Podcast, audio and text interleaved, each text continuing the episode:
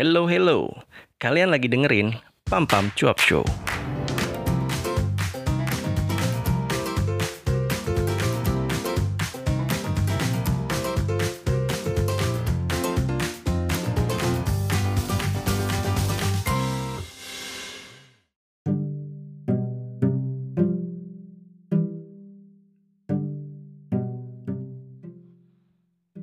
Hello, hello, welcome back to Pam Pam Cuap Show. Gimana, gimana? Eh, tahun barunya seru? Biasa aja buat gue sih. Eh, biasa aja soalnya gue cuma tidur setahun doang. Ke mana-mana iya sih ke mana-mana jalan-jalan, cuman dalam kota aja menikmati eh suasana jalanan yang tidak terlalu ramai kemarin. Beneran itu nggak terlalu ramai sih buat gue. anyway, eh gue udah hampir seminggu vakum, bukan vakum ya jatuhnya, libur, libur tayang episode baru. Dan ini adalah episode untuk tanggal eh 7 Januari 2022 gimana? Eh, ya semoga kalian tetap sehat dan bahagia selalu di awal tahun baru ini. Biasanya tuh kalau misalnya tahun baru tuh ya apalagi bulan-bulan awal kayak gini tuh waktu tuh berasa cepet apa lama biasanya? Lama gitu ya kayaknya. Atau cepet sih? Saya gue sering ngerasain kayak oh tiba-tiba udah tanggal segini aja ti- tiba-tiba udah tanggal segini aja. Tiba-tiba deadline sudah dekat saja gitu. Ya buat kalian yang tahun kemarin masih suka nunda-nunda pekerjaan tuh ya. Eh ini pesan buat diri gue sendiri layaknya seorang eh, pengkhotbah. Khotib juga memesan eh, memberi pesan kepada diri sendiri utamanya dan pada halayak ramai. Kalau kalian suka nunda-nunda pekerjaan tuh ya jangan tunda-tunda lah tahun ini. Minimal kalian ada perubahan lah tahun ini. Karena eh, percayalah pekerjaan yang cepat selesai itu akan berimbas pada datangnya pekerjaan yang lain. Nggak kalau misalnya kalian freelancer kan bagus kan, berarti kan project kalian makin banyak, makin banyak duitnya gitu kan. Eh, despite of eh, klien kalian bayarnya cepat apa enggak ya, tapi yang jelas portofolio kalian makin banyak gitu. Ya kan? tahun baru gue dapat berita baru nih hari ini saat eh, saat ini direkam ini berita yang baru muncul tadi siang jadi masih anget-angetnya lah. Eh, eh, ada berita tentang seorang ibu yang sedang mengandung di Israel di Israel yang positif terpapar COVID varian terbaru. Katanya ini COVID yang eh, virus yang virus COVID yang bermutasi atau berkolaborasi lebih tepatnya kayaknya ya. Berkolaborasi dengan virus influenza. Wih. Jadi di, diberi nama Florona ini ya kan gue bilang juga apa kan gue kemarin di episode keberapa 30 hari bersuara itu kan sempat bilang kalau ini lama-lama covid bakalan ada varian-varian baru nih pasti nih kayaknya ya. Tapi bener kan nih baru di awal tahun tanggal 3 ini direkam udah ada tuh di Israel. Florona. Lama-lama namanya makin imut men. Kalau yang kemarin kan Omicron tuh. Nggak tahu sih kalau misalnya gue nggak kalau gue nggak baca berita dan gue nggak dapat beritanya terus gue denger nama omikron tuh kayak virus komputer menurut gue ada nuansa digital digitalnya gitu kron kron gitu terus sekarang florona yang makin makin lama makin lucu namanya kalau denger kata florona itu kayak apa ya kayak berbunga-bunga gitu. Mungkin karena ada kata ronanya di belakang ya. Meron kan kalau di bahasa Indonesia kan rona itu kan berarti cerah gitu kan. Iya gak sih? Iya, iya. Soalnya kan biasanya di eh apa namanya rona itu biasanya berhubungan dengan kata eh, pipi yang merah merona gitu. Terus apa rona senyummu gitu. Rona pijar oh enggak itu pijar men bukan rona matamu bukan. Ya gitulah ya. Jadi lama-lama makin makin makin ke sini tuh namanya makin dibikin lucu apa sengaja apa gimana gue nggak paham sih. Tapi yang jelas ya harus makin hati-hati. Semoga tidak ada warga negara Indonesia yang ke Israel jadi yang jadi relawan itu. Nggak nggak bercanda bercanda. Tapi gue serius gue serius. Nggak usah pulang nggak usah pulang. Kalau misalnya ada yang berangkat ke Israel jangan nggak usah pulang. Nggak usah pulang dulu nggak usah pulang. Bahaya men. Karena uh, apa namanya? Uh, zolim terhadap diri sendiri itu nggak boleh gitu. Apalagi zolim terhadap orang lain gitu nggak boleh. Nggak lah ya. ya semoga tidak ada yang terpapar gitu aja. Kalaupun ada patuhi patuhi peraturan pemerintah. Ini ini juga berita yang baru-baru gue dapat juga hari ini ya. Jadi pemerintah memutuskan menurut gue ini good move good move uh, good move-nya pemerintah karena peraturan ini di, dikeluarkan pas banget sama hari-hari awal masuk kerjanya Indonesia di tanggal 3 ini gitu ya jadi pemerintah memutuskan bahwa semua orang yang uh, datang dari luar negeri, luar negara Indonesia, itu wajib dikarantina 10 kali 24 jam. Gue nggak mau nyebut 14 hari karena terkesan sedikit. Biar nominal tuh penting buat orang Indonesia. Kalau lu nggak percaya, uh, lihat-lihat aja gitu di marketplace. Lu pasti tertarik sama diskon-diskon yang gede gitu kan. Padahal padahal nggak memperhatikan harga setelah didiskonnya gitu tetap aja gede jadi 50% plus 7 20% gitu 50% plus 70% berapa jadi harga jadi nominal itu penting buat orang Indonesia. Jadi gue gua nyebut angkanya 10 kali 24 jam. Eh bentar dulu. Kan 14 hari ya? 14 hari berarti kan harusnya 14 kali 20, eh, 24 jam ya? Kenapa dibilangnya 10 hari ya? Ah gue nggak tahu. Mungkin mungkin menurut gue uh, apa namanya? Pada saat uh, hari hari lu dites uh, hari pertama lu lu datang dan dites itu nggak dihitung kali ya sama pemerintah gue nggak tahu sih. Harusnya sih itu berarti berkurang 4 hari kan ya? Oh, kenapa harus dikorting 4 hari? Soalnya tadi beritanya itu yang gue baca 10 kali 24 jam gitu. Jadi uh, itulah yang gue ingat. Men 240 jam men di karantina. Jadi biar lo yang dengerin ini kalaupun ada gitu uh, ikut concern lah minimal ikut concern uh, terhadap apa ya iya pandemi belum berakhir gitu aja. Tetap jaga uh, eh, 3M itu 3M menggunakan masker mencuci tangan dan menjaga jarak. Ditambah apa lagi? Vaksin. Itulah. Hak hak orang lah ya mau divaksin apa enggak. Anyway uh, ya semoga semoga tetap tetap kalian tetap uh, aman stay safe stay health stay happy. Uh, karena yang pasti yang yang pasti virus ini bakalan nauzubillah min zalik sih. Tapi yang pasti kayaknya bakalan tetap terus berkembang gitu terus bermutasi.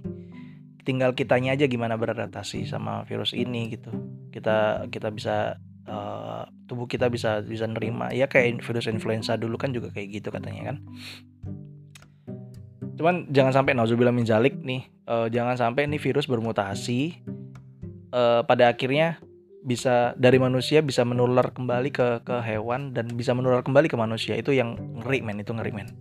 Kalau gue baca-baca gitu jurnal-jurnal saintis asik. Sok baca nggak tapi uh, seriusan karena kalau misalnya lu ngikutin film-film apa nyebutnya film-film doomsday gitu ya atau uh, film-film kiamat gitu yang uh, berdasarkan dari virus kayak zombie gitu aja itu kan awalnya juga katanya nggak tahu sih beberapa cerita film apa serial zombie dan segala macam itu beberapa cerita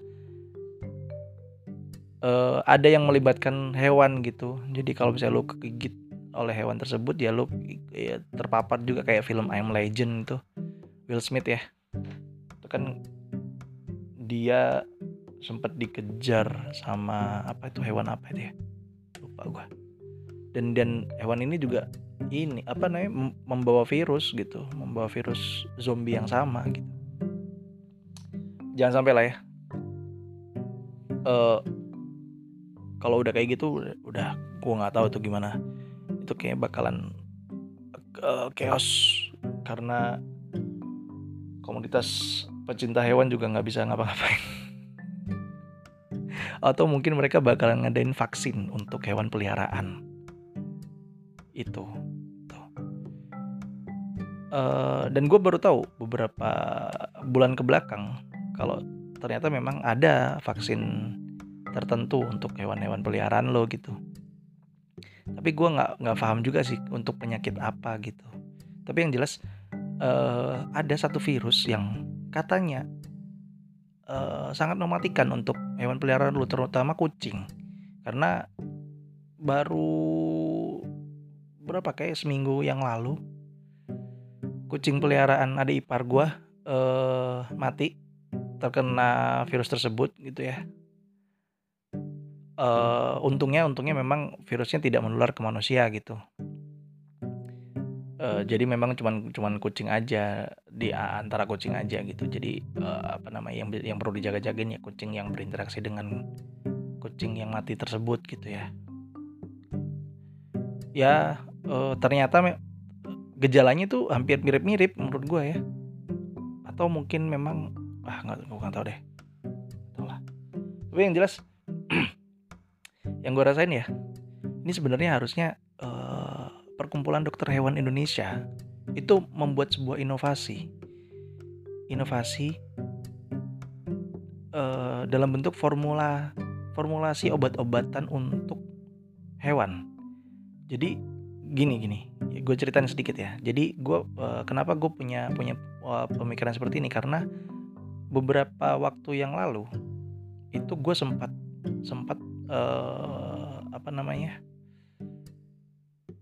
punya pengalaman memberi obat ke kucing men. Dan itu susah susah. Apalagi kalau lu yang apalagi kalau misalnya kalian kalian melihara kucing gitu ya dan dan belum pernah uh, ngasih obat ya uh, good for you. Good for you. Uh, tapi ini ini salah satu ilmu pengetahuan yang pengen gue bagikan di episode kali ini. Jadi itu ribet men, ribet. Cara-cara untuk ngasih obat ke kucing tuh ribet banget. Karena satu nih tekniknya adalah uh, lu harus lu harus mendudukkan si kucing. Posisi dia du bukan duduk ya, uh, lebih tepatnya kayak berbaring lah ya. Apa tengkurap. Posisinya harus kayak gitu dan lu harus uh, lu harus tahan nih tubuh bagian belakangnya uh, nanti nanti bakalan gue jelasin kenapa lu harus melakukan itu. Terus tangan lu yang satu itu harus memegang bagian uh, mulut atas si kucing ya. Itu di di di di di bagian ujungnya. Lalu uh, tangan yang satunya megang obat. Yang mana obat yang dikasih ini berbentuknya tablet gitu. Jadi harus harus langsung disuapin gitu aja. Kalau misal kucing lo betina dan dan penurut gitu ya lo kasih makan apa aja mau terutama obat ya eh, bagus. Bagus lah itu gampang jadinya lo ngasih obatnya. Cuman kalau misalnya kucing lo jantan terus rasnya siam gitu atau menkun gitu yang pengalaman gua men itu waduh gila. Setengah mati men setengah mati lu kudu berantem dulu sama tuh kucing. Karena gue gue nggak tega aja gitu kalau misalnya pas pas gue kasih gue paksa buat buat buka mulut gitu untuk untuk masukin obatnya. Mereka nya ngegeliat ngelawan gitu nggak tega aja gitu awal-awal. Terus ah, terus akhir-akhir itu ya udah tega ya udahlah. Gimana lagi? Kenapa kenapa gue bilang harus berinovasi? Karena gini kalau misalnya kalian mikir ya kenapa nggak dicampur sama makanan aja? Men obat obatnya si kucing ini kebetulan yang yang gue dapat. Uh, itu dikasihnya sebelum makan. Jadi yang yang bener adalah uh, kucing lu nggak boleh makan dulu. Jangan lu kasih makan dulu. Lu minumin obat itu baru lu kasih makan gitu. Jadi obat ini harus harus diberikan sebelum makan. Jadi nggak bisa dicampur makanan itu nggak bisa. Dan gue udah coba dan memang nggak efektif kucing peliharaan ada ipar gue nggak cepat sembuh juga gitu kan. Obatnya banyak kebuang juga gitu. Jadi nggak efektif nggak efektif nggak efektif banget. Jadi menurut gue harusnya ada nih harusnya ada obat yang minimal bisa dicampur ke minuman lah ke air minumnya si hewan peliharaan lo ya. Dan yang nggak berbau gitu jadi supaya si kucing juga tetap ngiranya oh yaudah ini minuman gue yang biasanya gitu. Atau minimal dikasih dikasih aroma aroma tambahan yang uh, bikin mereka ngira itu makanan gitu atau makanan yang aroma yang mereka suka kayak mungkin kucing bau amis gitu kan. Itu bisa tuh. Ya itulah. Jadi gue harap di tahun ini ada inovasi-inovasi baru yang muncul yang yang bisa uh, mempermudah gitu makin mempermudah hidup manusia. Ya udahlah uh, kayaknya segitu aja dulu dari gua di episode pertama season kedua uh, Insya Allah bakalan ada episode episode episode yang lainnya juga. Dan dan uh, pengen ngasih tahu aja sih. Nggak penting juga sebenarnya. Jadi pam pam cuap show mulai dari bulan Januari ini akan tayang satu minggu sekali. Gue coba gue coba dulu nih satu minggu sekali. Ya kan kalau misalnya gue rajin mungkin dua minggu dua kali satu minggu uh, satu minggu dua kali ya ya satu minggu dua kali.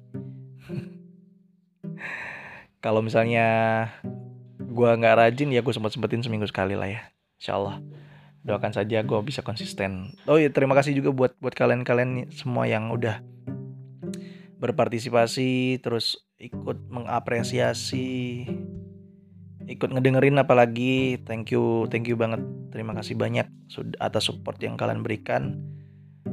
Uh, gue mungkin bakal lebih seneng lagi kalau misalnya ada interaksi lagi yang bisa gue dapetin dari kalian. Mungkin kalian kirim email atau kirim voice message dari link yang gue kasih di deskripsi episode. Tiap episode juga ada sih. Gitu. Oke. Okay. pam pamit. Segini aja. Uh, semoga tahun baru membawa kebahagiaan yang baru dan membawa kesehatan yang apa? Kesehatan yang baru iya itulah pokoknya. Oke wassalamualaikum warahmatullahi wabarakatuh. Thank you